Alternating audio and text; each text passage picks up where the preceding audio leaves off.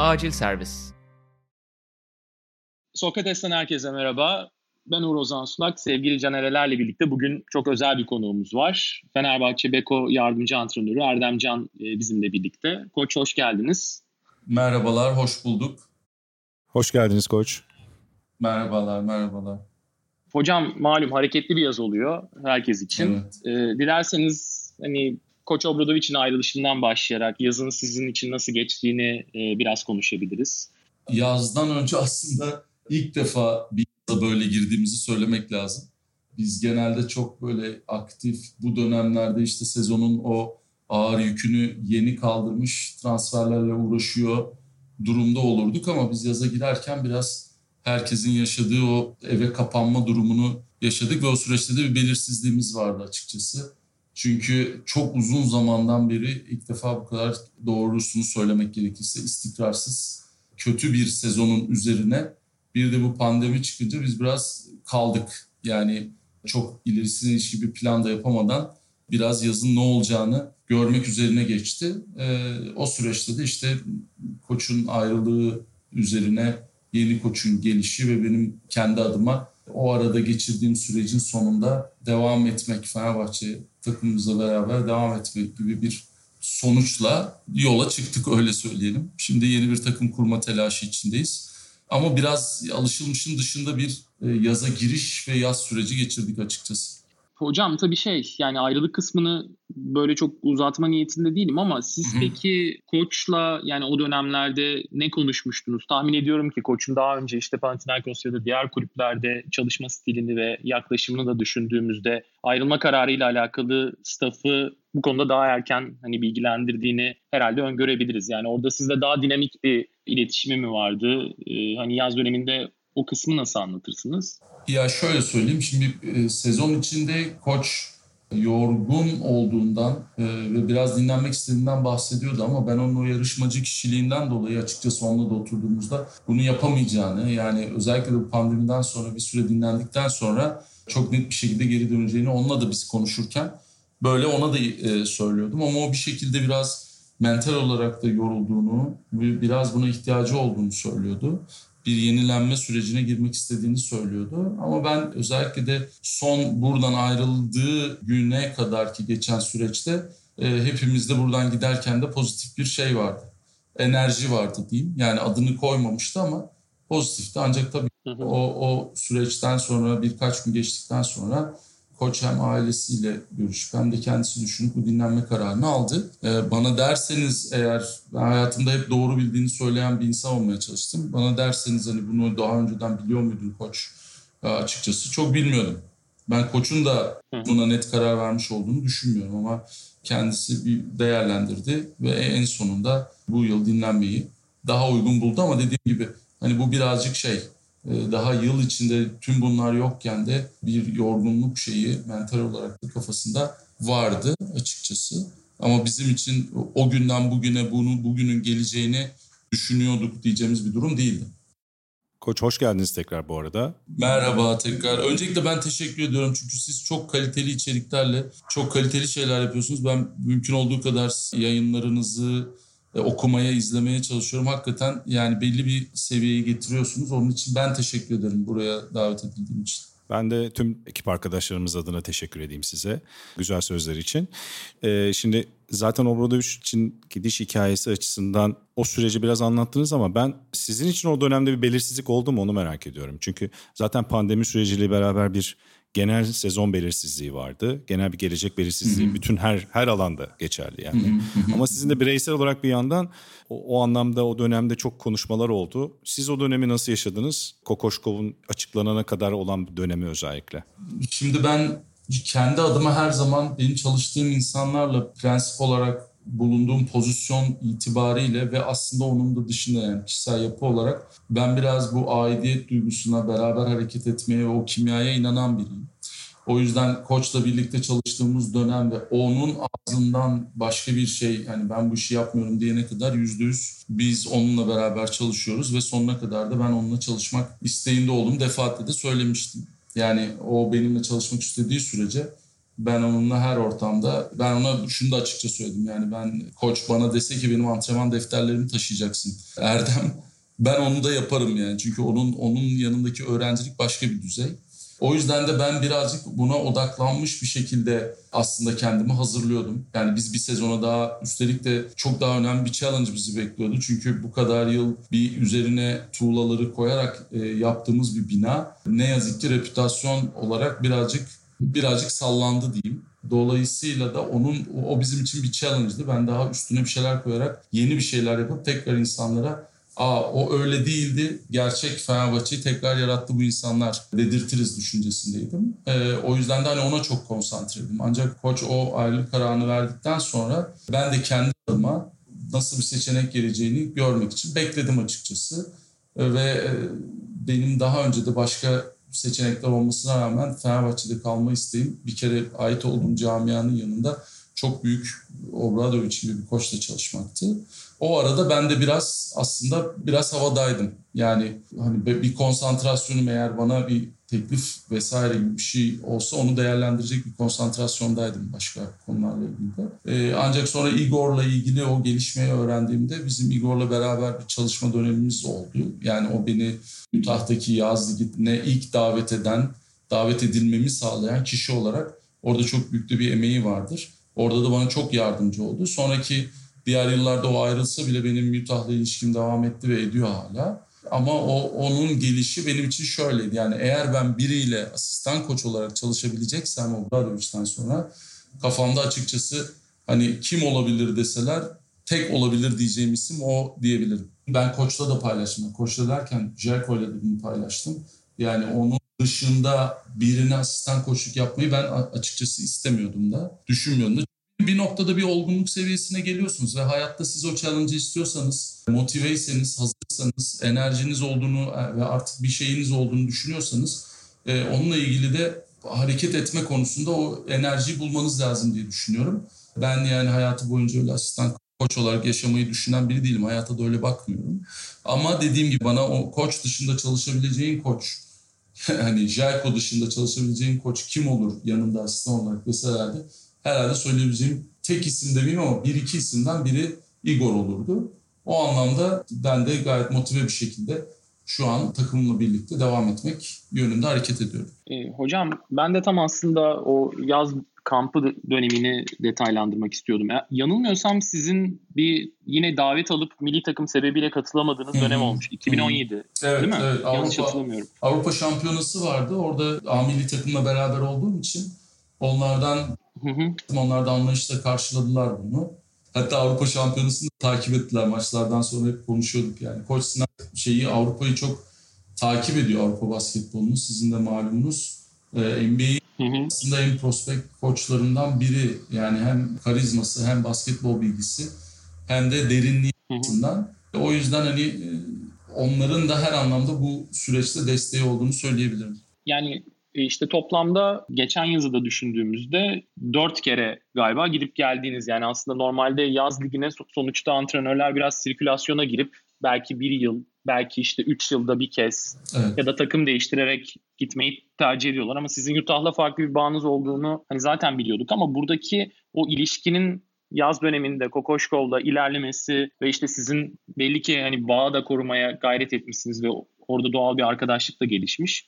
Ondan bahsetmeniz gerekirse yani koç buraya gelmeden önce, Kokoşko buraya gelmeden önce nasıl bir iletişiminiz vardı? O yaz liginin olduğu dönemden itibaren aranızdaki iletişimi nasıl anlatırsınız Koç Kokoşkov'la? Bizim Koç Kokoşkov'la olan iletişimimiz o aslında e, hem Koç Schneider'la hem de Kokoşkov'la olan iletişimimiz sadece yaz dönemlerine özgü bir iletişim olmuyor. Bu e, hı hı. ilgili biz sürekli birbirimizle paylaşan, konuşan, e, işte klipler gönderen, onlar bizim bazı ofenslerimizi alıp bir formasyona sokup oynuyorlar. Biz onların vesaire birbirimizle böyle bir alışverişimiz de var. Dolayısıyla sezonlar içerisinde de hep biz o iletişim içinde oluyoruz. Birbirimizi zaten arıyoruz ama basketbolda çok fazla konuşuyoruz. Yani onlar bizim maçlarımızı takip ediyor oluyor. Ben onların maçlarını takip ediyorum ve gördüğüm şeyleri açıkçası konuşuyorum. Bir de ben aslında orada Utah'taki ilişkiyi canlı tutmak üzerine çok hani beni davet edin gibi bir şeyim olmadı. Onlar her sene davet ettiği için ben de ona icabet ettim. Başka kulüplerin de başka NBA takımlarının da olma durumu vardı ama ben biraz olaya şöyle bakıyorum. İnsan gelişim sürecini yaşarken orada neden ve kimden verim aldığının, ne aldığının ve ne verdiğinin de biraz farkında olmalı. Yani orada ben gerçekten Avrupa'ya çok ciddi yaklaşan, sadece kozmetik nedenlerle oraya Avrupalı koçları getirmekten öte gerçekten orada beyin fırtınası yapan, basketbol konuşan ve tartışan bir koçla eğer vakit geçiriyorsan ve koç stafıyla o zaman ben her yıl oraya gidip bunu sürekli yapmaktan çekinmem. Neden? Çünkü içinde olduğum biliyorum. Oradaki birçok NBA takımı çağırdıkları guest koçları sadece orada gelip takımların antrenmanlarını takip eden, antrenmanlarda kısa bir rol verdikleri, ondan sonra da bench'te işte bir orada biliyorsunuz birinci sıra, ikinci sıra falan çok önemlidir. Hani Hı hı. ikinci sıranın başında oturtup sonra işte e, her iki maçta bir ikinci sıranın başındaki koçu değiştirerek bir tatmin duygusu yarattıkları kozmetik bir ortamın dışında orada gerçekten basketbol konuştuğunuz bir e, süreç olduğu için bunun gelişiminizde yansıdığını da gördüğünüz için e, bunlar her yıl teklif edildi. Ben gelecek sene de beni davet etse yine giderim. Çünkü bizim orada bu round table dediğimiz biliyorsunuz hani bir araya gelip bizim evet, evet. 7-8 saat gerçekten oturup koçlar basketbol bütün detayları tartıştığımız toplantılar yapıyoruz. Bunu da organize eden Quincy Snyder. Böyle otelde Vegas'ta mesela otelde mutlaka büyük bir oda ayrılır. Board yere saha çizilir. Otururuz biz sabah 9 gibi başlarız. Öğleden sonra 4'e kadar 5'e kadar maç varsa arada sadece böyle bir kahve molası verdiğimiz işte kahve molası da hani o arada da yine tahtanın başına geçip konuştuğumuz çok detaylı, çok benim çok tatmin olduğum, çok geliştiğimi hissettiğim, onlardan da çok pozitif geri dönüşler aldığım konuşmalar oluyor. Mesela birbirimize başlıklar hazırlıyoruz. İşte ben e, Avrupa'da Sivic'e nasıl atak ettiğimizi, onların Sivic'e atak edişlerindeki detayları, ne bileyim mesela benim çok ilgimi çeken onlar iki uzunla oynadığı yıl Rudy Gobert'le sonra New Orleans'a gitti. E, diğer uzun, hep unutuyorum ismini. Şey, e, Derek Favors. Evet, evet. İki uzunlu düzende benim onları yadırgadığım mesela uzun uzuna paslarının çok zayıf olduğu aslında onun spacing'de önemli bir yer açtığını bu gibi bir başlık üzerine mesela 200 saat konuşabiliyoruz. Yani demem o ki hani evet NBA'de her sene başka bir takıma gidilip yaz liginde bir sene oradayım, bir sene Charlotte'dayım, öbür sene Chicago'dayım falan denebilir yani. Bunun kozmetik bir tarafı da olur ama işte nitelik nicelik diye bence e, orada biraz ayırmak lazım. Ben o, o gelişim süreci olduğunu düşünüyorum. Bunun da karşılıklı olduğunu düşünüyorum. Öyle olmasa onlar da davet etmez ya da yıl içinde biz bu konuşmalara devam etmeyiz. Ki biz bunu Igor Phoenix'e gittiğinde de yaptık o tür konuşmaları. Dolayısıyla benim açımdan işin öyle bir boyutu var. Şey hocam yani burada isterseniz bilmiyorum tam oturur mu sohbeti ama yanlış hatırlamıyorsam sizle yine özel konuşmalardan birinde medyaya galiba bunu üstü kapalı söylediniz ama Utah'ın yine size dair bir ilgisi de vardı. Hatta Kokoşkov ayrıldıktan sonra sanıyorum o döneme tekabül ediyor. Sizin oraya gitme ihtimaliniz ya da bu teklifin geldiği süre. Hani biraz ondan da bahsetmek ister misiniz? Yani galiba Katsikaris gitmişti sonra yanlış hatırlamıyorsam. Evet. O döneme değinecek olursanız ne söylersiniz? Yani o benim şimdi benim o gelişim süreciyle ilgili baktığım şey o. Biraz aslında insanın kendisiyle ilgili ve bulunduğu ortamla ilgili bazı şeyleri doğru değerlendirmesi gerektiğini düşünüyorum. Ben de kendimle ilgili o süreçte zaten Koç Obradovic benim için büyük bir okul. Hala da öyle. O zaman da o benim gelişim sürecimin ve içindeki o şeyin, heyecanın canlı kaldığı bir isim ve onunla daha öğrenecek şeyin çok fazla olduğunu düşündüğüm bir süreç. E, ve kulübümle kontratımın da devam ettiği bir süreçti. E, ve orada ben koçla beraber de devam etmeyi çok istiyordum. O da buna pozitif baktığı için ben diğer seçenekleri biraz daha aslında arka planda tutmayı istedim. Orada ben şöyle bir hata yaptım.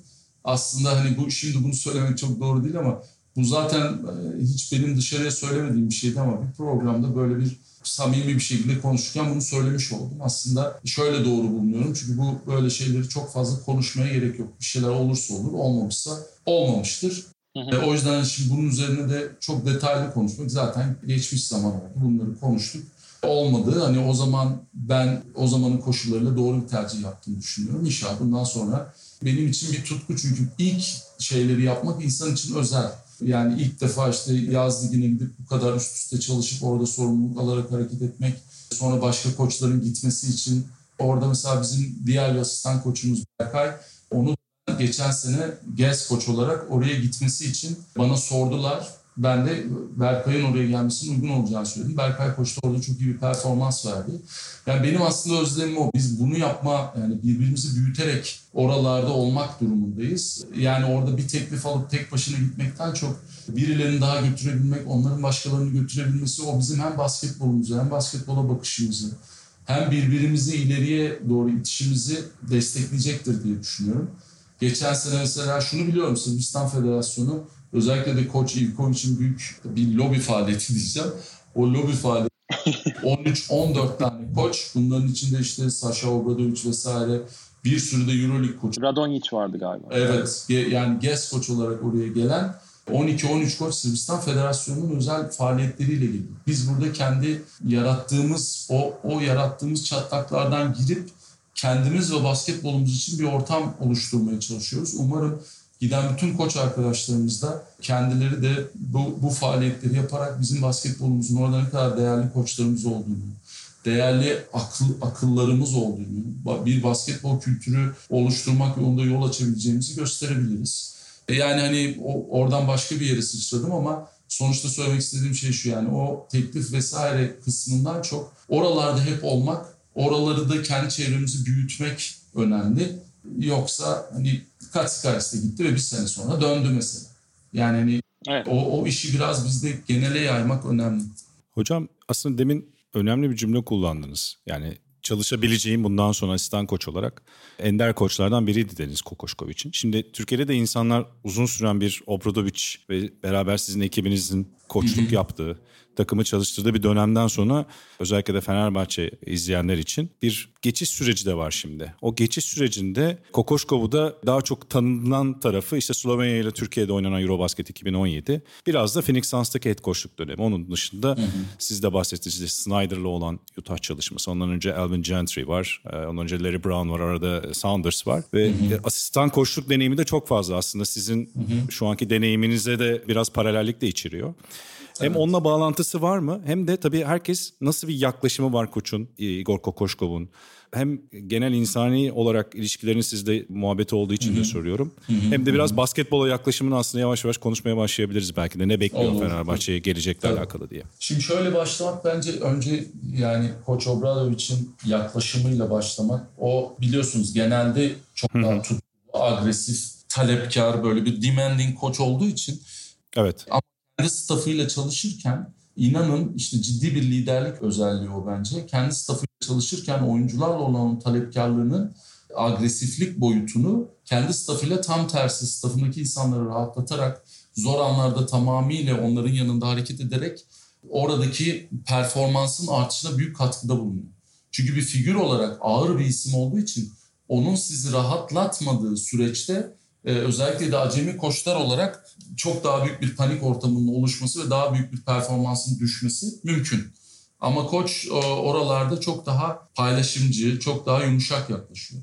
Sahadaki yaklaşımına gelince de o biz mesela onun o elektriği yakalamıştık. O zaten çok fazla dinleyen ama sonunda kendi tabii ki bildiğini yapan ama dinleyen, tartışan, maç içinde de ortak hareket etmenizi sağlayan, görüşlerinize saygı gösteren bir. Ben kendi özelinde söylüyorum. Şimdi Igor'a gelince Igor asistan koçluktan, şimdi iki tane farklı figür var orada çok haklısınız. Bir tanesi hiç asistan koçluk yapmamış, tamamen head koçluk gelmiş. Dolayısıyla kendi yöntemleri olan ama işte o empati yeteneği çok üst düzey olduğu için ve oyuncuyken de çok fazla çok ciddi bir gözlemci olduğu için orayı kasarsız atlatmış biri. Igor'un da çok önemli bir özelliği çok uzun yıllar çok üst düzey asistan koçluk yaptığı için yanındaki asistan koçun e, neler hissettiğini bilecek ve onunla paylaşım ve dinleme anlamında çok pozitif yaklaşan biri. Ben bunu birebir beraber çalıştığımız o yaz ligi dönemlerinde ve onun dışındaki sohbetlerimizde ve şimdi çalışmaya başladığımız andan itibaren de görüyorum. Dolayısıyla hani bir tanesi sahada çok agresif, sert, talepkar ve bu bunu vücut diliyle çok net ifade eden Avrupalı eski ekol bir koç. Diğeri çok daha fazla Amerikan yaklaşımına paralel hareket eden, çok daha oyuncuya dokunmayı ve daha o yaklaşım daha yumuşak davranmayı seven bir koç. İletişime, ikisi de iletişime açık ama bir tanesinin yöntemi ya da vücut dili daha yumuşak diğerine göre. Dolayısıyla da farklı açılardan oyuncuları etkileyebileceğini düşünüyorum bunun. Basketbola yaklaşımı da şimdi onun detaylarını birazdan belki konuşuruz ama basketbola yaklaşımı da hani asistan koç, head coach anlamında söyleyeyim çok fazla paylaşmayı, dinlemeyi seven biri olduğu için de benim kendi adıma e, yine rahatlıkla kendimi ifade edebileceğim bir ortam olduğunu düşünüyorum. Ve bu da kendi adıma beni rahatlatan kısım oluyor. Çünkü ben ilk 23 yaşında Banvit'te asistan koç olarak başladığımda Ted Baldwin'de çalıştım. Baldwin'de çok daha yumuşak, diyaloğa açık biriydi ve ben ben onun zamanında da çok agresiftim bench'te. Ben o yıllardaki şeyime gidiyorum, maçları izliyorum. Orada da öyleyim. Yani koç Obradoviç olduğu için o tavırda değilim. Yani benim doğam bu. Belki biraz son yıllarda biraz daha törpüledim onu. İnsan da öğrenmeye başlıyor. Ama o da mesela çok diyaloğa açık, çok daha yumuşak biriydi. O yüzden de tahmin ediyorum biraz. Yani Igor'la da birebir sahada ve antrenmanda ve bu süreçte yaşayacağımız şeyleri çok tecrübesiz değilim o anlamda. Ted Baldwin'le çalıştığım süreci düşünerek söylüyorum bunu. İnşallah güzel olacak. E, hocam peki işte Caner abi de biraz değindi o asistanlık dönemine ama e, şimdi şöyle bir soru işareti var bence. Makul bir soru e, insanlar kendi içlerinde düşünüyorlar bunu. Şimdi Phoenix Suns organizasyonu kendi içindeki problemlerle zaten yeterince boğuştu. Hani evet. boğuşmaya da devam ediyor. Oradaki problemin evet. hani Kokoşkov'dan daha büyük ve Kokoşkov'dan daha bağımsız bir problem olduğu ortada. Çok uzun yıllardır devam eden bir sorun var. Her ne kadar Kokoşkov'un çok etkileyici bir asistan koçluk kariyeri, CV'si olsa da malum head coach deneyimi çok fazla yok. Bu, bu bağlamda hani oyun olarak, teknik olarak koçun Slovenya ile kazandığı şampiyonluğu ve milli takımda oynattığı basketbolu ne kadar referans noktası kabul etmeliyiz? Yani Fenerbahçe'nin düzenini ve bir öngörüde bulunmak gerekirse e, bu açıdan e, ne söyleyebilirsiniz çok yakından tanıdığınız için? Yani şimdi aslında sadece ben yakından tanınma kısmını bir tarafa koyarak dışarıdan objektif olarak bakıp değerlendirmek istiyorum. Yani ben değil de dışarıdan normal bakan birinin bir basketbol adamının bakışı hı hı. şunu söylemek isterim. Şimdi siz o yılki Slovenya milli takımına dönüp baktığınızda çok daha emosyonel olarak çok daha aşağılarda gezen, çok daha iniş çıkışları olan bir Doncic var. Doncic tam bir oyuncu olmamıştı o dönemde. Hatırlarsınız Doncic'in o sene de kaç tane maçta bence ağlayarak geliyordu Real Madrid'de. Yani büyük bir potansiyelde ama çok fazla up and down'u vardı. Aynı şekilde Anthony Randolph dediğiniz oyuncu Avrupa'daki çok kolay olmayan oyuncu tiplerinden biridir Amerikalı oyuncu olarak. Bilenler bilir. O da oyuna çok fazla küsebilen, duygusal, reaksiyonel bir oyuncudur. Bir de NBA'den Dragic'in tabii ki liderlik fonksiyonu var, özelliği var, o nosyonu var. Ancak dışarıdan oraya gelen bir parça olarak onun işin içine liderliğini diğerlerinin kabul edeceği şekilde oturtulması. Ondan sonra da aslında biraz averajın altında oyuncu profilleriyle bunu beraber bir araya getirmesi, doğru insanlara liderliği vermesi, dikkat ederseniz orada doğru insanlara liderliği vermesi ve diğerlerinin bu liderliği kabul edeceği bir ortamı kısa sürede o takıma yaratması bence çok önemli bir faktör. Dışarıdan sadece objektif buna baktığınızda da görebilirsiniz ki o dönemde ben de bizim A milli takımımızla birlikte kamptaydım ve biz İsrail'de onlarla hazırlık maçları yaptık. O zaman da Igor'la yani beraber sohbet etme fırsatı bulduk. Orada da benim de gözlemlediğim gerçekten takımın o dönemde iniş çıkışları vardı ama o oyuncular hep dokunarak, konuşarak, ikna ederek hareket ediyordu. Bence bu o açıdan önemli bir referans noktası. Yani belli oyunculara, bu konuda tecrübesi olan, oraları bilen, belli seviyenin üstündeki oyuncularla daha aşağı profilden gelen ama aç olan oyuncuların bir arada kombine edileceği ve orada liderlik rolünün doğru insanlara doğru biçimde verilip doğru oyun sisteminin onların elinde bulunacağı bir takımı yaratma anlamında ben çok ümitliyim. Onu hep beraber yapacağımızı düşünüyorum. Teknik anlamda da şuraya gideyim. Oradan Widmar'da dahil çok uzunların pasör olarak çok iyi kullanıldığı bir takım yaratıldı. Orada dikkat ederseniz uzunlar üzerinden çok fazla pasör özelliklerinin kullanılacağı ofensler var. Ve o ofensler içerisinde birden çok oyuncunun aynı anda hareket ettiği, dolayısıyla topun birkaç defa oyuncuların elinde döndüğü ve doğru spacing'e dayalı bir oyun var. Şimdi oynayacağımız her şeyi burada anlatmam çok şey değil ama bizde spacing öncelikli bir takım kurgusu içinde olup doğru insanlara liderliğin verileceği bir tempolu bir basketbolu oluşturmaya çalışacağız diye en azından bir şey verebilirim buradan. Aslında aklıma geldi şimdi hocam siz hı hı. E, Slovenya'yı tabii çok güzel detaylı anlattınız. Tabii 9 maç aslında ama yine de bir şeyler anlatıyor gibi geliyor bana. Evet. En azından felsefe ve yaklaşım olarak. Özellikle de hangi oyuncuların ya da hangi pozisyondaki oyuncuların ne rol alabileceğiyle alakalı. Hı-hı. Tabii biraz yetenekle de alakalı. Siz de bahsettiniz. Hani orada bir Dragic var. Bir de Kokoşkov'un çok uzun zamandır tanıdığı ve gelişimde büyük payı olan bir oyuncu Hı-hı. Dragic. Hı-hı. O gelişim kısmını soracaktım özellikle. Hani siz de bahsettiniz aslında yani iniş çıkışı olan bir Doncic var. Randolph'tan bahsettiniz. Hatta belli takımlarda da genelde istikrarsız da bilinen Prepelic'i rol olarak evet, aslında ne kadar evet, verim alabilen. Çok doğru söylüyorsunuz. Evet. Böyle biraz futbolda şimdi Jurgen Klopp bu konuda çok konuşulur ya. Oyuncudan Hı-hı. verim almak. Hı-hı. Aslında Hı-hı. başka bir sistemde olsa alınamayacak belki de o verimi. Potansiyelini daha tam içinden o cevheri çıkarma anlamında. Öyle bir Hı-hı. özelliği de var gibi konuşuluyor Hı-hı. koçun. Hı-hı. Bu Fenerbahçe'deki oyunculara sirayet etme durumu da olma ihtimali yüksek tabii ki pozitif bakarsak değil mi? Evet. O konuda ilişkileri sanırım e, iyi kuruyor galiba oyuncularla. Onu evet, görebiliyoruz en azından evet. Zaten olarak. Şöyle söyleyebilirim aslında bugünün dünyasında hep konuşuyoruz ya şimdi işte X kuşağı, Y kuşağı, Z kuşağı, alfa vesaire diye. Hı hı. Şimdi artık diyalog, ikna bu sürecin içerisinde çok önemli. Oyuncular artık sizin dikte ettiğiniz şeyler üzerine gitmek yerine sizin onları inandırdığınız şeyler üzerine gidiyorlar. Dolayısıyla sizin iyi bir hatip olmanız bile bu işin içerisinde çok önemli. Şimdi nereye bağlayacağım? Bu sizin çok fazla Amerikalı oyuncunun olduğu bir takımda doğru İngilizce hitap edebilmeniz, onların kültürüne yakın olmanız bile çok önemli bir şey.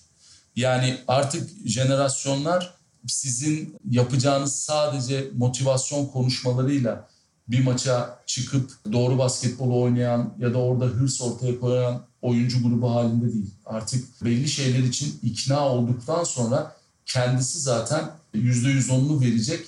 Tamamen olaya duygusal önceliklerden daha fazla mental açıdan yani kafasına yatan ikna olduğu açıdan yola çıkıyor. Ondan sonra onu duyguyla birleştiriyor. Dolayısıyla da Igor orada bence hem Amerika'da geçirdiği süreci hem de Avrupalıları bilmesiyle bence bize bir avantaj sağlayacak. Ve orada söylediğiniz şey oyunculardan zaten alabileceğinin fazlasını alma da burada oyunculara mental açıdan dokunabilmekle doğru orantılı diye düşünüyorum. Çünkü öyle ya da böyle bütün oyuncuların kapasitesini biliyoruz. Yaratacakları birebir enerjiyi de biliyoruz ama o enerjinin ortaya çıkaracağı o birliktelikten doğacak bir sinerji var. Asıl benim inandığım şey ve bizim daha önceki yıllarda başarılı olmamızı sağlayan şey de o olduğunu düşünüyorum. Orada da ben e, hep beraber bunu yaratmak için elimizden geleni yapacağımızı söyleyebilirim. Yani şöyle konuşmayı seven biri hiçbir zaman olmadım. Biz bunu yapacağız. Tamam bu işte biz o inanılmaz iyiyiz ya da işte hiç merak etmeyin falan değil. Bizim mutlaka inişlerimiz, çıkışlarımız, adaptasyon sürecimiz bunlar olacak ama ben sakin ve çalışkan bir şekilde ilerlediğimizde istenen sonuçlara ulaşacağımızı düşünüyorum. Hocam peki yani tabii ki resmiyet kazanmamış durumda ama sonuçta buradaki teknik ekibi biraz düşünecek olursak şimdi Sırp milli takımında eş zamanlı koçluğunu yaptığı için Kokoşkov hani birinci asistan normal bir Euroleague takımından belki biraz daha fazla önemli bir role bürünmüş durumda mevcut hı hı. düzende Fenerbahçe'nin hani düşüneceğimiz düzeninde. Siz de sonuçta hem koçu anlattınız hem ilişkinizi anlattınız. Burada Sırp milli takımına özellikle koçun vereceği katkıyı da bence biraz azımsamamak gerek. Çünkü Sırpların da hem federasyon olarak hem oradaki kamuoyu olarak basketbola yaklaşımları ve koçu orada görmek istedikleri hı hı. malum. Sizin buradaki özellikle FIBA Windows döneminde rolünüz ve hani belki koçun Amerika'dan getireceği bir asistan vesaire e, olacak mı? Yani o durumları konuşma şansınız oldu mu koçla? Sonuçta Obradoviç dönemine göre herhalde şunu söyleyebiliriz. Çok çok daha fazla sorumluluk aslında kağıt üzerinde en azından alacağınız bir dönem gibi gözüküyor. Ee, hani bu Obradoviç'in size sorumluluk vermediği gibi bir anlam çıkmasını hı onu kastetmek istemiyorum Yo, ben ama. Ben çok net anlıyorum. Ben çok net anlıyorum. E, sonuçta koçun hani burada olamayacağı bazı dönemler de olacak. Hani bu duruma nasıl bakıyorsunuz? Koçla bunun reaksiyonu nasıl oldu yaptığınız konuşmada? Yani şöyle şimdi bu konuyla ilgili benim bir şey söylemem çok yani burada birinci asistan kim olacak vesaire gibi bir şeyle ilgili benim şu anda böyle bir açıklama yapmam herhalde kulüp yeri geldiğinde ya da ihtiyaç duyarsa bununla ilgili bir açıklama yapacaktır. Ama ben hani açıkçası buradaki birinci asistan, ikinci, üçüncü asistan vesaire gibi title'ların çok önemli olduğunu düşünmüyorum. Çünkü kendi adıma rahatlıkla şunu söyleyebilirim. Bulunduğum 7 yıl içerisinde koçla birlikte, Obradoviç'le birlikte çalıştığım 7 yıl içerisinde eğer elinize istatistik alırsanız Orada koç staffı içerisinde sıra bana gelmiyor kağıt üzerinde. E, orada benim ismimi görmezsiniz. Ben hiçbir zaman bunu öğrendiğimde bu, bunun olduğunu düşünmüyorum. Yani pratikte sizin beraber çalıştığınız koçun ve takımın daha da önemlisi yani koç size bir title da verebilir ama karşınızdaki insan grubunun, taraftarınızın, kulüpte çalışanların, yönetiminizin, daha da önemlisi oyuncularınızın size gösterdiği saygı ve sizi koyduğu yer zaten belirleyici unsur olacaktır. Dolayısıyla benim hani nicelik ve nitelik dediğim şey bu. Yani orada herhangi bir isimlendirmenin içinde dediğim gibi yani bunu yeri zamanı geldiğinde kulüp de ihtiyaç duyarsa ya da koç da ihtiyaç duyarsa herhalde bir, bir açıklama yaparlar. Şu insan birincidir, bu insan ikincidir diye ama ben koç Obradoviç'le birlikte çalıştığım dönemdeki harcadığım eforu, kendi adıma ve enerjiyi hiç eksiltmeden burada da devam ettireceğim. Çok büyük bir yükümlülük ve şey var. Ama üstesinden gelemeyeceğimiz bir durum değil. Çünkü bu atmosfere hepimiz bir şekilde taraftar grubuyla, camiayla vesaire bir şekilde işin içindeyiz. Ve önemli olan doğru oturup oyuncuları kendimize inandırmak. Ondan sonraki süreçte zaten bu işin asıl aktörleri oyuncular. Eğer biz doğru sistemi oturttuysak koçun oradaki mutlaka olmadığı süreçler bizi etkileyecektir ama en azından en hafif şekliyle atlatmaya çalışırız diye düşünüyorum. Bu arada açıkça söyleyeyim koçun Sırbistan milli takımı ile ilgili tasarrufunun ne olduğunu, nasıl hareket edeceğini ben de şu an bilmiyorum. Öyle söyleyeyim size. Ee, koç aslında yavaş yavaş şeye geçmek isterim nacizane. Biraz böyle Buyurun. kadro planlaması ve oyun beklentisi. Tabii ki belli detaylara girmeyebilirsiniz evet, doğal olarak. Belli evet. oyun planları sonuçta bu seneki playbook açıklamasından çok aslında demin şeyi çok güzel anlattınız. O yüzden merak ediyorum. Hani Slovenya'daki oyuncuları birebir böyle bir inceleme yaptınız. Hı hı. Şimdi bir yandan da merak da ediliyor yani yeni transferler var. Önemli hı hı. değişim var Fenerbahçe'de hı hı. kadro hı hı. olarak. Hı hı. Ve biz Igor Kokoşkov'u siz de biraz anlattınız zaten. Hani basketbol oyun tarzı olarak guardların tempo olarak yüksek tempo Hı-hı. özellikle çok kontrol ettiği ama biraz özgürlükle kontrol etti ki hani Obradoviç döneminden daha alışırız belli şeylerin daha köşeli olmasına diyeyim ya da evet. her şeyin belli olmasına. Evet. Tabii burada bir plansızlıktan bahsetmiyoruz Kokoşkov'da. Planlı özgürlük diyelim aslında. Yanlış evet. tarif ediyorsam evet. siz söyleyin. Yok kesinlikle katılıyorum. Ee, işte o pace and space dediğiniz siz de söylediniz yani hem tempo hem de alanı açmak 4-5-3 numaraların bir yandan rolünü çok iyi benimsediği ve işte iyi perde yapanlar, hareketlilik sürekli, onların da pas olması ve uzundan uzuna paslar, onların da pasör olabilmesi hı hı. gibi gibi bir sürü şeyler var. Tabii ki siz bunları çok daha güzel anlatırsınız. Bunlara istinaden transferlere de baktığımızda insanlar tabii bir yandan düşünüyorlar nasıl bu oyun sistemine uyuyor mu diye. Bir yandan sırtı dönük hücum edebilen oyuncular da geldi. Yani işte biz bu arada ben şöyle transferleri sayayım. Deshaun Pierre, Edgaras Ulanovas, Danilo Barter, Johnny Hamilton ve Lorenzo Brown. Şimdi buna baktığınızda siz bunu nasıl değerlendiriyorsunuz, nasıl bakıyorsunuz? Tabii ki bu planlamayı yapanlardan biri olarak aynı zamanda ekipten biri. Evet şimdi koç Igor, Mauricio ben yoğun bir şekilde çalışıyoruz şu anda. Ama şöyle bakmak lazım. Şimdi bunu bir sadece bir faktör olarak koyuyorum. Yani bunu başka bir gerekçeyle söylemiyorum. Ancak şu anda sizin bütçeniz %50 civarı bir azalma hı hı. 45-50 civarı bir azalma içerisinde. Dolayısıyla onun içerisinde kalarak doğru parçaları bulmak durumundasınız. Bir kere bunu ortaya koymamız lazım. İkincisi bizim Koç Obradoviç'te oynadığımız dönemde çok haklı olduğumuz köşeli olan noktalarda da belirli bir pozisyon, oyuncu pozisyonu, oyuncu özelliği belirleyip o özel belirlenen özellikler üzerinden ofens yerleşimi ve döngüsü hazırlamak. Dolayısıyla da o topun üçüncü ya da dördüncü pastan sonra hangi oyuncuya nerede geleceğini bizim hesaplamış olmamız gibi bir e, sistematik vardı işin içinde.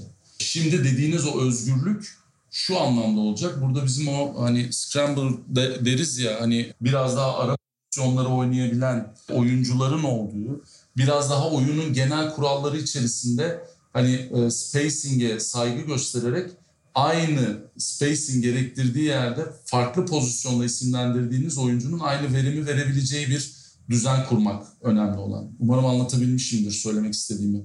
Yani 45'te bugün tepeden bir gardınız atak ettiği zaman bizim daha önceki oynadığımız düzende 45'te 4 numaramızın olmasıyla 45'te 2 numaramızın olması farklıydı. Şimdi sizin orada dördünüzün, ikinizin, üçünüzün olmasının çok fark etmeyeceği doğru spacing'de her oyuncunun aynı reaksiyonu verebileceği bir takım olgusu yaratmaya çalışıyoruz. Onun içerisinde de zaten bu beraberinde o özgürlüğü getiriyor. Şöyle ki doğru spacing yerleştiğiniz zaman oyunun size getireceği koşulları bilip onunla doğru orantılı e, hareket edebileceksiniz. Ha bu ne olacak? O zaman sizin köşedeki oyuncunuz özelliği yani doğru sahaya yerleştiniz ve topun penetre edilen yerin e, bir tarafındaki top tarafındaki köşedeki oyuncu eğer iyi şütörse orada kalması eğer slasher'sa çembere kat etmesi ya da iyi bir screenci ise ters tarafa screen yapması gibi doğru spacing'den sonra oyuncunun kendi özelliği üzerinden hareket edebileceği bir akış yaratmaya çalışacağız. Hani genel çerçeve olarak onu söyleyebilirim. Bu da beraberinde şunu getiriyor. Onun kendi işindeki e, akışı bu e, penetre pas diye şey yapayım size genellerini söylenir ya. O kick out'ları çok fazla kullanacağınız ama o spacing üzerinden yani dört oyuncunun spacing'inin çok fark etmeyeceği iyi screenci rim roller'ların o yüzden de biraz Hamilton zaten o ipucunu da veriyor siz aslında. Yani rim roller, çembere devrilebilen oyuncuların olduğu bir düzen e, yaratmak hedefimiz. Post-up yapabilen 3 numaralarımız var evet. Beraber aynı size'larda 1 2 3 4 oynatabilecek bir takım kurup Avrupa'da çok oynanan işte bu pace and space'ten daha çok sav işin savunma tarafında daha kuvvetli switch yapabileceğiniz bir takım oluşturmak gibi bir denklemin içinde bir takım unsurlar var biraz daha çembere, daha delici oyuncuların olduğu çembere atak edebilen bir bir nüve de yaratmak istiyoruz. Onun bir kısmını biz öğreteceğiz. Bir kısmını oyuncuların doğasında, kendi doğasında olan oyunculardan alacağız. Dediğim gibi yani bulunduğunuz finansal yapı içerisinde de en iyisini alacak şekilde bir optimal hesap yapmak durumundasınız. Yani hani bu da bu kadar olsun, olsun yine de alalım diyeceğiniz bir durum yok artık. Öyle söyleyeyim yani.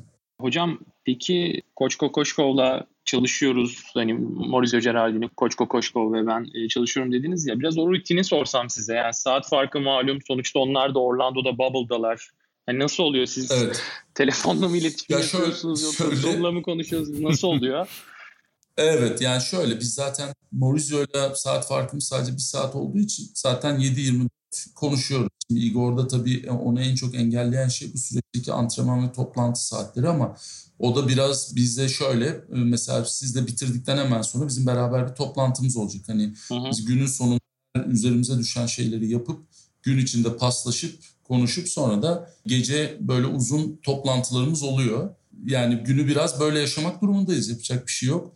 Allah'tan uykusuzluğu seven insanlarız. O yüzden çok sorun değil bizim için. Ama hakikaten oradaki saat farkından dolayı böyle bir hani e, bütün gün içinde bütün çalışmaları yapıp sonra da gece böyle 12 gibi oturup her şeyi değerlendirdiğimiz bir süreç yaşıyoruz.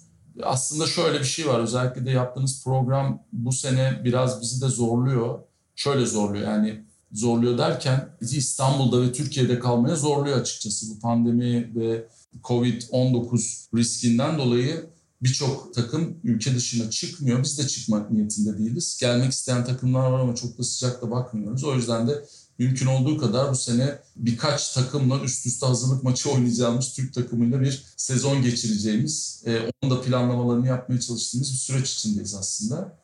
Böyle çok çeşitlendirip hani nereye gitsek, nasıl bir kamp yapsak, oradaki kampta işte hangi günleri nasıl değerlendirsek diye ayrıca mesai harcadığımız bir şey içinde de bizi zorlayan koşullar var. İstanbul'da kalacağız kardeşim. Daha çok demek durumundayız. O açıdan da biraz daha o anlamda şeyiz. E, tek düze gidiyoruz yani. Hocam aslında kadro planlamasını konuşurken birkaç detaya da inmek isterim açıkçası. Buyurun. Yani. Belki birazdan Uğur Ozan da e, şey yapacaktır diye tahmin Aha. ediyorum. Tabii ki basketbolda şimdi tırnak içinde modern basketbol diye bir var ama bir yandan aslında değişen en önemli konulardan bir tanesi özellikle hani Euroleague ölçeğini konuşursak ya da Avrupa basketbolu ki NBA'de de biraz onu görebiliyoruz. Guardların çok etkili olduğu, çok kritik olduğu. Her zaman öyledir ama uzun rotasyonun farklılaştığı, pozisyonsuzlaştığı bir dönemdeyiz. Tam ben yani de 4 numaraların 5 5 numaraların kelime o olabilir. Pozisyonsuz olmak.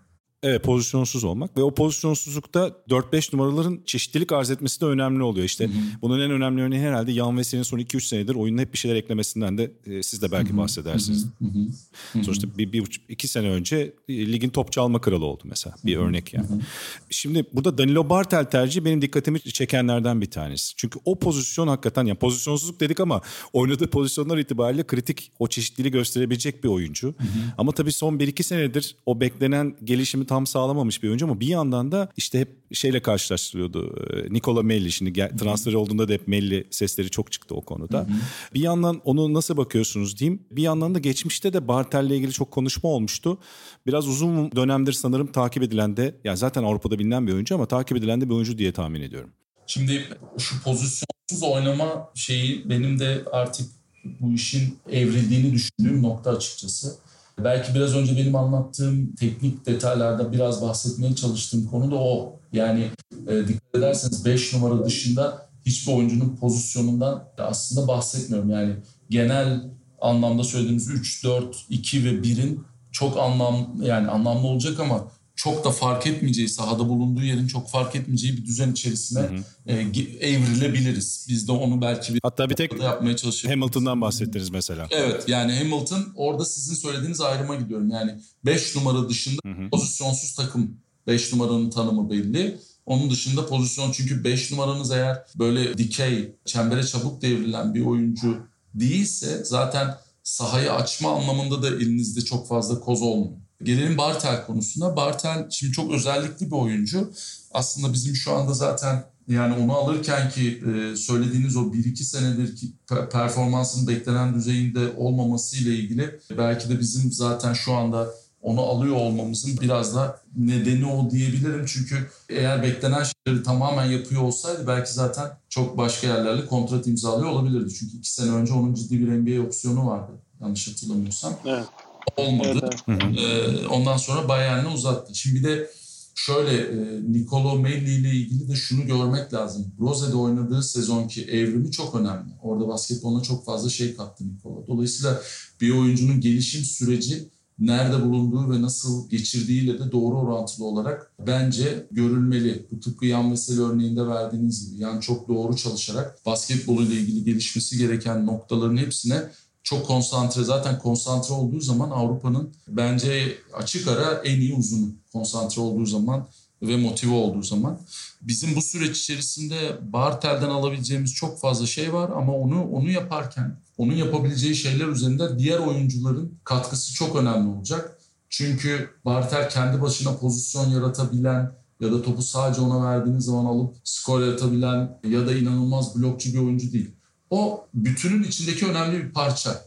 Tıpkı Nikola Melli'nin olduğu gibi. Nikola Melli'ye baktığınızda çok atlet değildir. Çok yatay ayakları değildir ama çok zeki, doğru yerde 1-2 saniye önce olabilen bu o bütünün içinde çok önemli bir parça olabilen bir oyuncudur. Şimdi Bartel'i de biz o o düzen içerisinde aslında bir mental bir oyunun önemli bir ofens ve defenste önemli bir zeka unsuru olarak koymak istiyoruz. Çünkü buna sahada uzunlar ben ona çok inanıyorum. Yani kafası e, basketbolun içinde olan akıllı bir uzun çok daha atlet olan uzunlardan özellikle Avrupa basketbolunda daha fazla fark yaratıyor.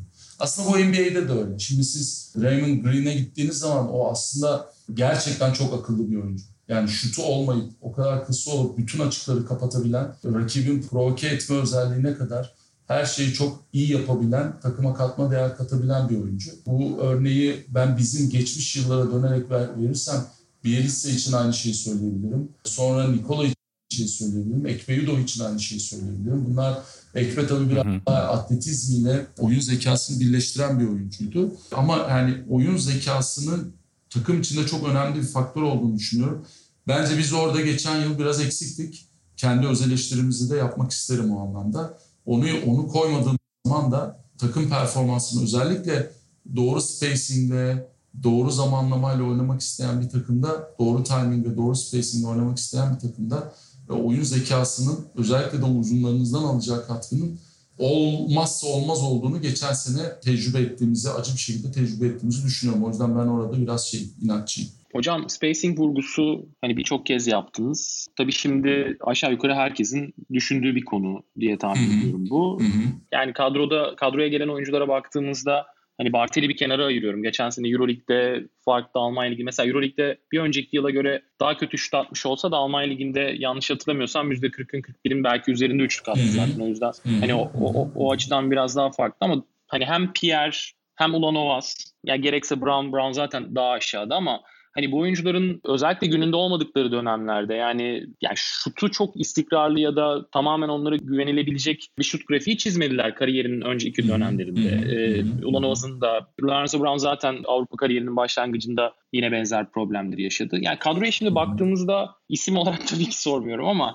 sanki böyle bir 2-3 numaraya bir oyuncu daha gelecek gibi. Hem 2 hem 3 oynayabilecek bir oyuncu daha gelecek gibi gözüküyor. Yani Ulanovas da Pierre de sonuçta 4'ten süre alabilecek oyuncular. Hani Wesley Hamilton zaten konuştunuz siz de detaylarını. Yani burada kadro planlamasını yaparken Wesley Nando merkezli ve yanına böyle bütçenin de gerektirdiği şekilde oyuncuları alıp belki sezon içerisinde hem draftın geç olması hem işte NBA'in geç bitecek olmasıyla belki biraz böyle esnek yani esneklik yaratabilecek şekilde ileriyi de düşünerek mi hareket ettiniz? Yoksa yani bu kadro tamamlanmaya çok yakın bir kadro mu şu anda? Belki bir oyuncu mu beklemeliyiz? Sezonun ilerleyen döneminde düşündüğünüzde hani bunu nasıl değerlendiriyorsunuz? Transferlerin direkt içinde olduğunuz için soruyorum. Söylediklerinizin büyük bir kısmında çok haklısınız. Ben de katılıyorum ona. Tekrar şöyle söylemek lazım. Yani bir kadro yapılanması yaparken elinizdeki imkanların, elinizde bulunan finansal araçların da şeyini görmeniz lazım. Çünkü Euroleague'de belli düzeyde işler yapabilmeniz için birkaç tane parçayı değerlendirmeniz lazım oynayacağınız basketbol içerisinde. Bunu şu yüzden söylüyorum. Şimdi Bartel konusunda haklısınız. Ama öyle baktığınız zaman Dechampierre'de İtalya Ligi'nde %43 civarında bir 3 sayı yüzdesi var. Şimdi Ulanovas'a zaman %45 gibi atıyor ama iki tane var maç başına attempt'i. Yani denediği top. Şimdi bu oyuncuların hiçbiri tabii ki öldürücü, atıcı değiller. Ancak oynadıkları düzen içerisinde bizim oluşturmaya çalışacağımız düzen içerisinde bize fayda verecekleri birkaç konu olduğunu düşünüyorum. Ama bunların hepsini teknik detay olarak şimdi anlatmam biraz playbook vermek gibi bir şey olacak. Yani ya biraz öyle olacak şimdi bunları mesela hani siz Pierre ve Ulanovas'ı beraber oynattığınızda 3 ve 4 numara gibi oynattığınız durumda bu oyuncuların hangisini low posta sokarsanız 3 numaraya karşı sizin büyük bir avantajınız var. Hı hı. Şimdi bu avantajı yarattıktan sonra kaçırdığımız bir şey var. Topsuz oyunda çembere sadece şut atarak isabet bulmak aslında oyunun bir tarafı katılıyorum. Bir de topsuz hareketi çok iyi yapan oyunculara sahip olmak da önemli. Topu low posta ya da köşelere indirdiğinizde. Bu oyuncuların birkaçı o topsuz hareketi de çok iyi yapabilen oyuncular. Dolayısıyla delicilik sadece topla delicilikten ziyade aynı zamanda topsuz katların da etkili yapıldığı ve bitirildiği, size'ını da kullanarak bitirebilen oyuncuların olduğu bir yapı içinde onu da kullanabileceğimizi düşünüyorum açıkçası. Dediğim gibi burada tek tek teknik detayları vermek biraz aslında şöyle elinize de oyuncuların hepsi ulaşıp siz bazı şeyleri bu hazırlık sürecinde deneyimleyip oturtmadan afaki konuşmak da doğru değil. O yüzden şu anda biz tabii ki kendi projemiz içerisinde planladığımız düzen içerisinde bazı şeyleri koymaya çalışıyoruz. Elimizdeki imkanların gerektirdiği şekilde. O yüzden hani şutör oyuncu konusunda da haklılığınız var. Çalışıyoruz. Bu süreç e, önümüzdeki birkaç gün herhalde biraz daha net bir şeyleri ortaya koyacaktır. Ama günün sonunda aslında şu aç başarılı olmak için aç olan, enerjisi olan ve potansiyeli olan oyuncuları bir takım riskleri de bir noktada bir, bir araya getirerek oluşturmaya çalışıyoruz. Bir takım oluşturmaya çalışıyoruz. Aslında bunu da farkında olarak yola çıkmak lazım. O zaman daha rahat bazı şeyleri yapmakta cesur davranabiliriz diye düşünüyorum. NBA ve draftlerde çok çok haklısınız. Onu da dediğim gibi zaman gösterecek. Şu andan hayır o zaman da böyle bir transfer yapacağız. O gün geldiğinde başka bir şey olacak demek de doğru değil. Bunların hepsi zamanla biraz daha zaman akışıyla göreceğimiz şeyler. Şu anda zaten kadro yapılanmamız az çok zaten belli şeyleri ortaya koyuyor. Şu anda herkesin bir şutör oyuncu konusundaki şeyini biliyorum. Yani gözlerinizi kapayıp baktığınızda ben de katılıyorum ama dediğim gibi hani doğru çalışma, doğru oyun sistemiyle bunu belli bir noktaya getireceğimizi düşünüyoruz. E, aklıma şey geldi hocam bu anlattığınız üzerine. Şimdi Uğur sorusu üzerine hani hakikaten şutör çok konuşuluyor. Zira hı hı. bir de Kokoşko ve siz ekip olarak bir felsefe ortaya koyacağınız zaman geçmiş deneyimlere dayanarak da hı hı. orada şutörün rolü ya da üç kısa ile oynayabilmek değil hı hı. özellikle hı hı. yani. Hı hı. şimdi pozisyonsuzluk dedik ama bir yandan da işte herkes o örneği daha çok konuşuyor. Doncic, Dragic, Prepelic. Belki hı hı. hatta bazen yanlarında şey e, Muric. Hı hı. Öyle baktığınızda şimdi Westerman var.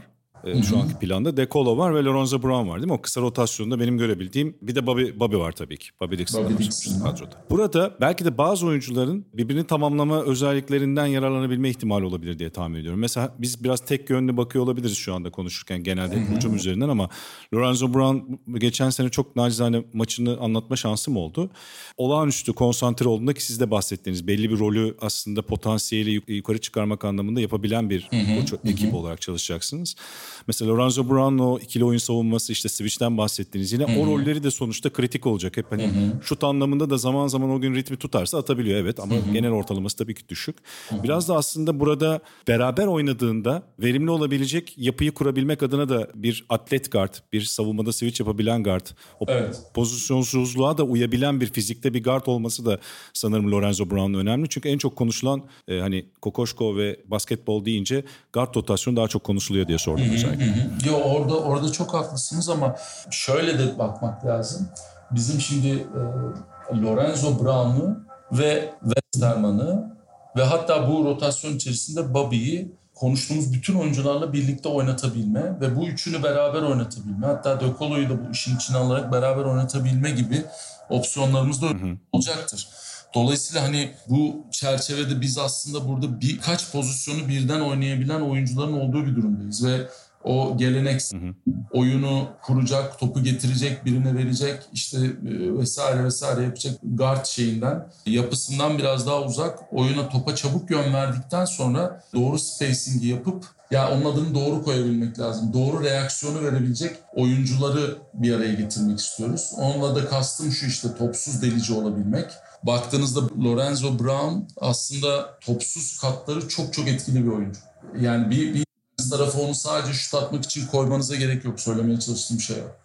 Oralarda çok da kuvvetli bitirebilen, orada topu aldıktan sonra kalabalıkta dışarıdaki diğer oyuncuyu bulabilen özellikleri olan bir oyuncu. Ama tabii bunların hepsini söylediğimiz zaman bu e, bizim sahada neyi ortaya koyacağımız çok daha önemli oluyor. Çünkü bunları böyle bir slogan gibi daha bir şeyleri bir araya getirmeden konuşmak belki çok iddialı olabilir ama zamanla biz de deneyimledikten sonra biraz oyuncularla ilgili çünkü bir A planınız oluyor. Sonra oyuncularla beraber bir araya geldikten sonra B veya C planıyla basketbola devam etmek durumunda kalabiliyorsunuz. O yüzden Tabii ki. e, söylediğiniz o çok yönlülüğün hangisini daha ağırlıkla kullanacağımızı biraz takım bize söyleyecek. Takımın vereceği reaksiyon, oyuncuların birlikteliğinin getireceği, o, o sinerjinin bize vereceği veriler diyeyim. O bize hangi yola gideceğimizi gösterecek. Yani bir ABC planımız mutlaka olacak. Ama hangisinin öncelikli olacağını biraz oyuncuların beraber ne yaptığıyla birlikte göreceğiz.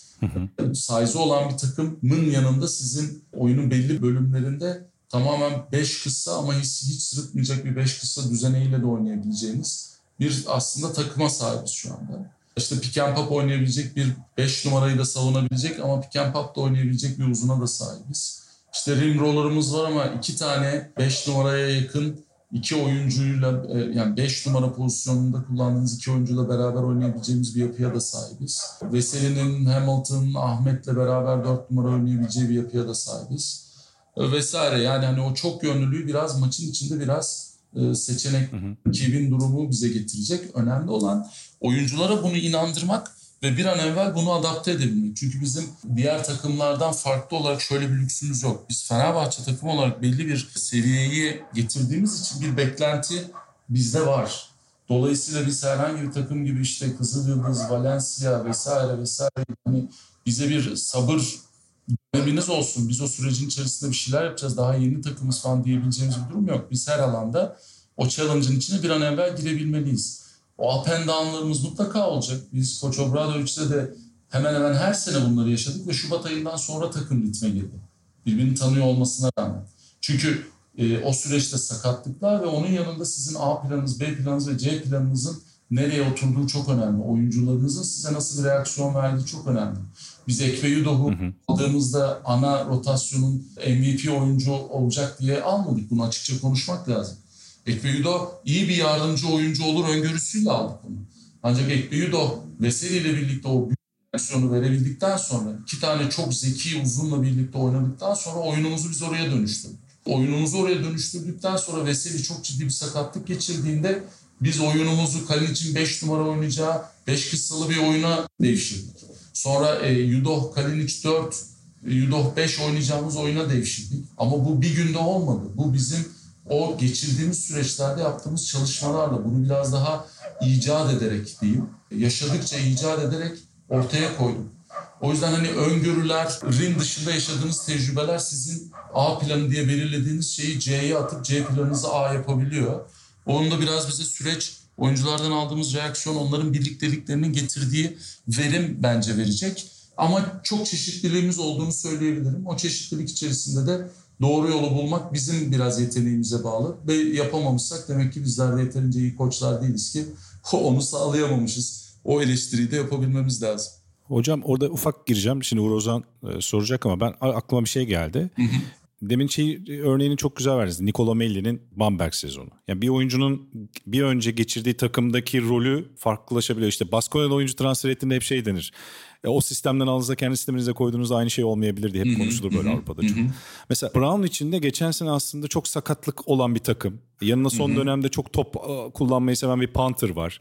Yani şeyden bahsettiğiniz için soruyorum. Aslında burada alacağı rol onun her konudaki verimini arttırabilir anlamında da o çeşitliliğini daha göstermesini sağlayabilecek bir ekosistem sunduğunuzda sonuçta potansiyelini daha fazla gösterme şansı da olacak. Sadece Brown üzerinde de sormuyorum. Genel olarak aslında bütün oyuncular için geçerli. O yüzden oyuncuları aslında sadece kısa bir dönem için e, referans alıp değerlendirmemek gerekiyor herhalde değil mi? Evet orada çok haklısınız. Bir de şu faktörü biz göz önünde tutuyoruz. Biz buraya bu oyuncuları transfer ederken aynı zamanda bu sene şunu yapıyoruz. Yani daha önceki senelerde yaptığımız şeye gidiyor biraz. Yani Kalinic'i ilk aldığımız sene, Bogdanovic'i ilk aldığımız sene, Guduric'in ilk geldiği sene gibi bu oyuncular aynı zamanda şunu diyoruz. Bak biz seni aldık buraya, sana şans veriyoruz. Bu senin için büyüme şansı. Burada aç bir şekilde doğru reaksiyonları vererek büyüme şansı. Bunu alıp büyüyen oyuncular bir yerlere gidiyorlar. Bizi de daha yukarı çıkarıyorlar. Biz de bu tecrübeden biraz yola çıkarak tekrar o öze dönmek gerektiğini açıkçası biraz düşünüyoruz. Onu da yaptık. Yani sonuçta buradaki oyuncular bir karaktere çok önem veriyoruz. Bu saydığımız oyuncuların hepsi bize bizim e, çok araştırdığımız karakterleriyle ilgili çok pozitif doneler aldığımız oyuncular. Hepsi aç, başarılı olmak isteyen, daha yukarıya çıkmak isteyen ve bunu basketbolu düşünen oyuncular. Şu anda bu çok önemli bir faktör. Çünkü o açlığın getirdiği verimlilik bir noktada Euroleague'de birçok şeyi de kolaylaştırıyor. Gerçekten öyle. O yüzden hani söylediğiniz şeye paralel olarak kısa vadede oyunculardan gelecek reaksiyonları biraz daha sabırlı olup onların açtıkları ve o açtığı bu deneyimle birleştirerek biraz daha orta vadede bir sonuç almak üzerine e, yoğunlaşmamız gerekiyor açıkçası. Hocam gerçekten çok ufuk açıcı oldu. Ee, tekrar teşekkür ederim o bölümler için. Son kez ben şöyle bir soru sormak istiyorum. Yani aslında başlangıçta da değinebilirdik ama siz Obradoviç bölümüne geçtikten sonra tekrar bu Yudo'nun gelişimiyle alakalı, Hı-hı. takım içerisindeki evrimiyle alakalı. Şöyle Kokoşkov'la sonuçta Obradoviç'in çok eskiye dayanan bir arkadaşlıkları var. Hı-hı. Aslında ya biraz kaderin de cilvesi belki de koçun en kötü döneminde asistanlığını yaptı. Yani 2005'teki Hı-hı. şampiyonada. O yüzden Hı-hı. çok iyi saha içinde belki anıları yok ama geçmişe çok beğenen bir arkadaşlık olduğunu söyleyebiliriz. Burada Hı-hı. hani siz arada bir figür olduğunuz için yani iki tarafla da belirli bir iletişiminiz olduğunu düşünerek e, bunu soruyorum. Hı-hı. Hani Obradovic'in bu Kokoşkov'un buraya gelmesiyle işte e, sonuçta buradaki yeni yapılanmayla alakalı sadece görüş babında soruyorum tabii ki. Hı-hı. Sonuçta kulübün bir parçası değil ama Hı-hı. hani onunla konuşma şansınız oldu mu bu konuyu ya da koçun e, buna dair bir geri bildirimi oldu mu? Bundan haberdar mısınız? Yani şöyle biz yani Koç Obradoviç'le ben her gün hala konuşuyorum. Hı hı. Ama tabii ki şunu konuş, ben prensip olarak bunu yapan biri değilim. Yani kendi ailem de dahil. Yani bugün abilerim bile beni aradığında takımla ilgili ne oluyor, ne bitiyor dediğinde o detayları konuşmayan biriyim. Çünkü o, o biraz o işin içinde. Hı hı. Dolayısıyla biz konuşuyoruz. Basketbolla ilgili de konuşuyoruz. Teknik şeylerle ilgili de konuşuyoruz. Hayatla ilgili de konuşuyoruz. Ee, ama şu ki muhakkak ki çok iyi arkadaş olan iki insanın böyle bir süreçte birbirine telefon açıp konuşmaması, fikir alışverişinde bulunmaması zaten abes bir durum olur. Hı hı. O, o ancak iki tane rakip olan insanın o birinin pozisyonuna geçtikten sonra buna bir reaksiyon göstermesi ondan sonra da bir mesafe koyması gibi bir süreç olursa ancak olur. Ama e, zaten iki tane çok iyi arkadaşın böyle bir süreçte birbirleriyle fikir alışverişinde olması kadar doğal bir şey yok. Dolayısıyla orada da mutlaka ama mutlaka bizim takımın içindeki bu 7 senede geçen dinamikleri Jelko'nun Igor'la konuşmuş olması kadar kendi bakış açısıyla bir takım doneleri vermiş olması kadar normal bir şey yok. O Igor'un gelişinde ve burayı istemesinde, burada olmak istemesinde de koçun mutlaka payı olduğunu düşünüyorum. Yani Obradovic'in payı olduğunu düşünüyorum. Ama günün sonunda bu o aralarındaki diyaloğun pozitif bir getiriden başka bir yöne çıkmayacağını da kendim biliyorum yani. Çünkü o zaten basketbolla ilgili bir şeyleri tartışıp konuştuğumuz zaman yani Jelko Obradovic'e sizin bugün ne düşünüyorsun dememeniz zaten A5 iştigal olur. Hani yani ben şimdi bu takımda yani hani sen de ne diyorsun ben de aklımdan şu demezseniz yani insan gülerler yani bu, bu zaten yani öyle bir ihtimal ben görmüyorum ki Koç Obradoviç de o kadar kendini bilen, o kadar mütevazı, o kadar yani nerede ne söyleyeceğini o kadar bilen bir insana nerede pozitif yaklaşacağını, nerede onunla ilgili onu yıpratacak ya da onu e, nasıl söyleyeyim size down edecek detaylara girmeyeceğini o kadar bilen biridir ki kafasındakini de çok düzeyli ve anlamlı bir şekilde karşısında sindireceği bir şekilde mutlaka konuşuyordur. Yani karşılıklı bu diyalog mutlaka geçiyordur. Dediğim gibi biz de mutlaka konuşuyoruz ama bütün tabii ki içinizdeki bütün detayları vererek hareket etmiyorsunuz zaten. O doğru olmaz. Zaten Koç Obradoviç de onu istemez. Çünkü zaten o birazcık uzak kalıp hani biraz da kafasını dinlemek istiyor. Çünkü o işin içine girdikçe kendini sorumlu hisseden bir insandır. E zaten bir takım rolleri insanlar aldıktan sonra da onlarla ilgili sorumlulukları üzerine alarak hareket ederler. Yani bu sohbetler mutlaka oluyordur ama günün sonunda karar verecek olan, hep beraber bu işin üstesinden gelmeye çalışacak olan şu an bizleriz. Hocam çok teşekkür ederiz bir kez daha. Ben teşekkür yani, ederim. Umarım hem kırmadınız hem yani biraz böyle uzattık. Estağfurullah yok yok keyifle keyifle benim adıma. Çok teşekkür ederiz gerçekten. Ederim, Ayrıca yeni sezonda da iyi şanslar hocam size. Çok teşekkür ederim. Sağ olun. Zor bir sezon olacak. Çok zor bir sezon olacak ama inşallah iyi olacak. Başarılar hocam Çok tekrar. teşekkür ederim. Başarılar. Çok sağ olun. Konuk olduğunuz için e, sağ olun. Dinleyicilere de teşekkür ederiz. Eğer bizi bu dakikaya kadar dinlemeyi devam ettirdiyseniz bir kez daha teşekkür ediyoruz. Çok sağ olun. Tekrar görüşmek dileğiyle. Hoşçakalın.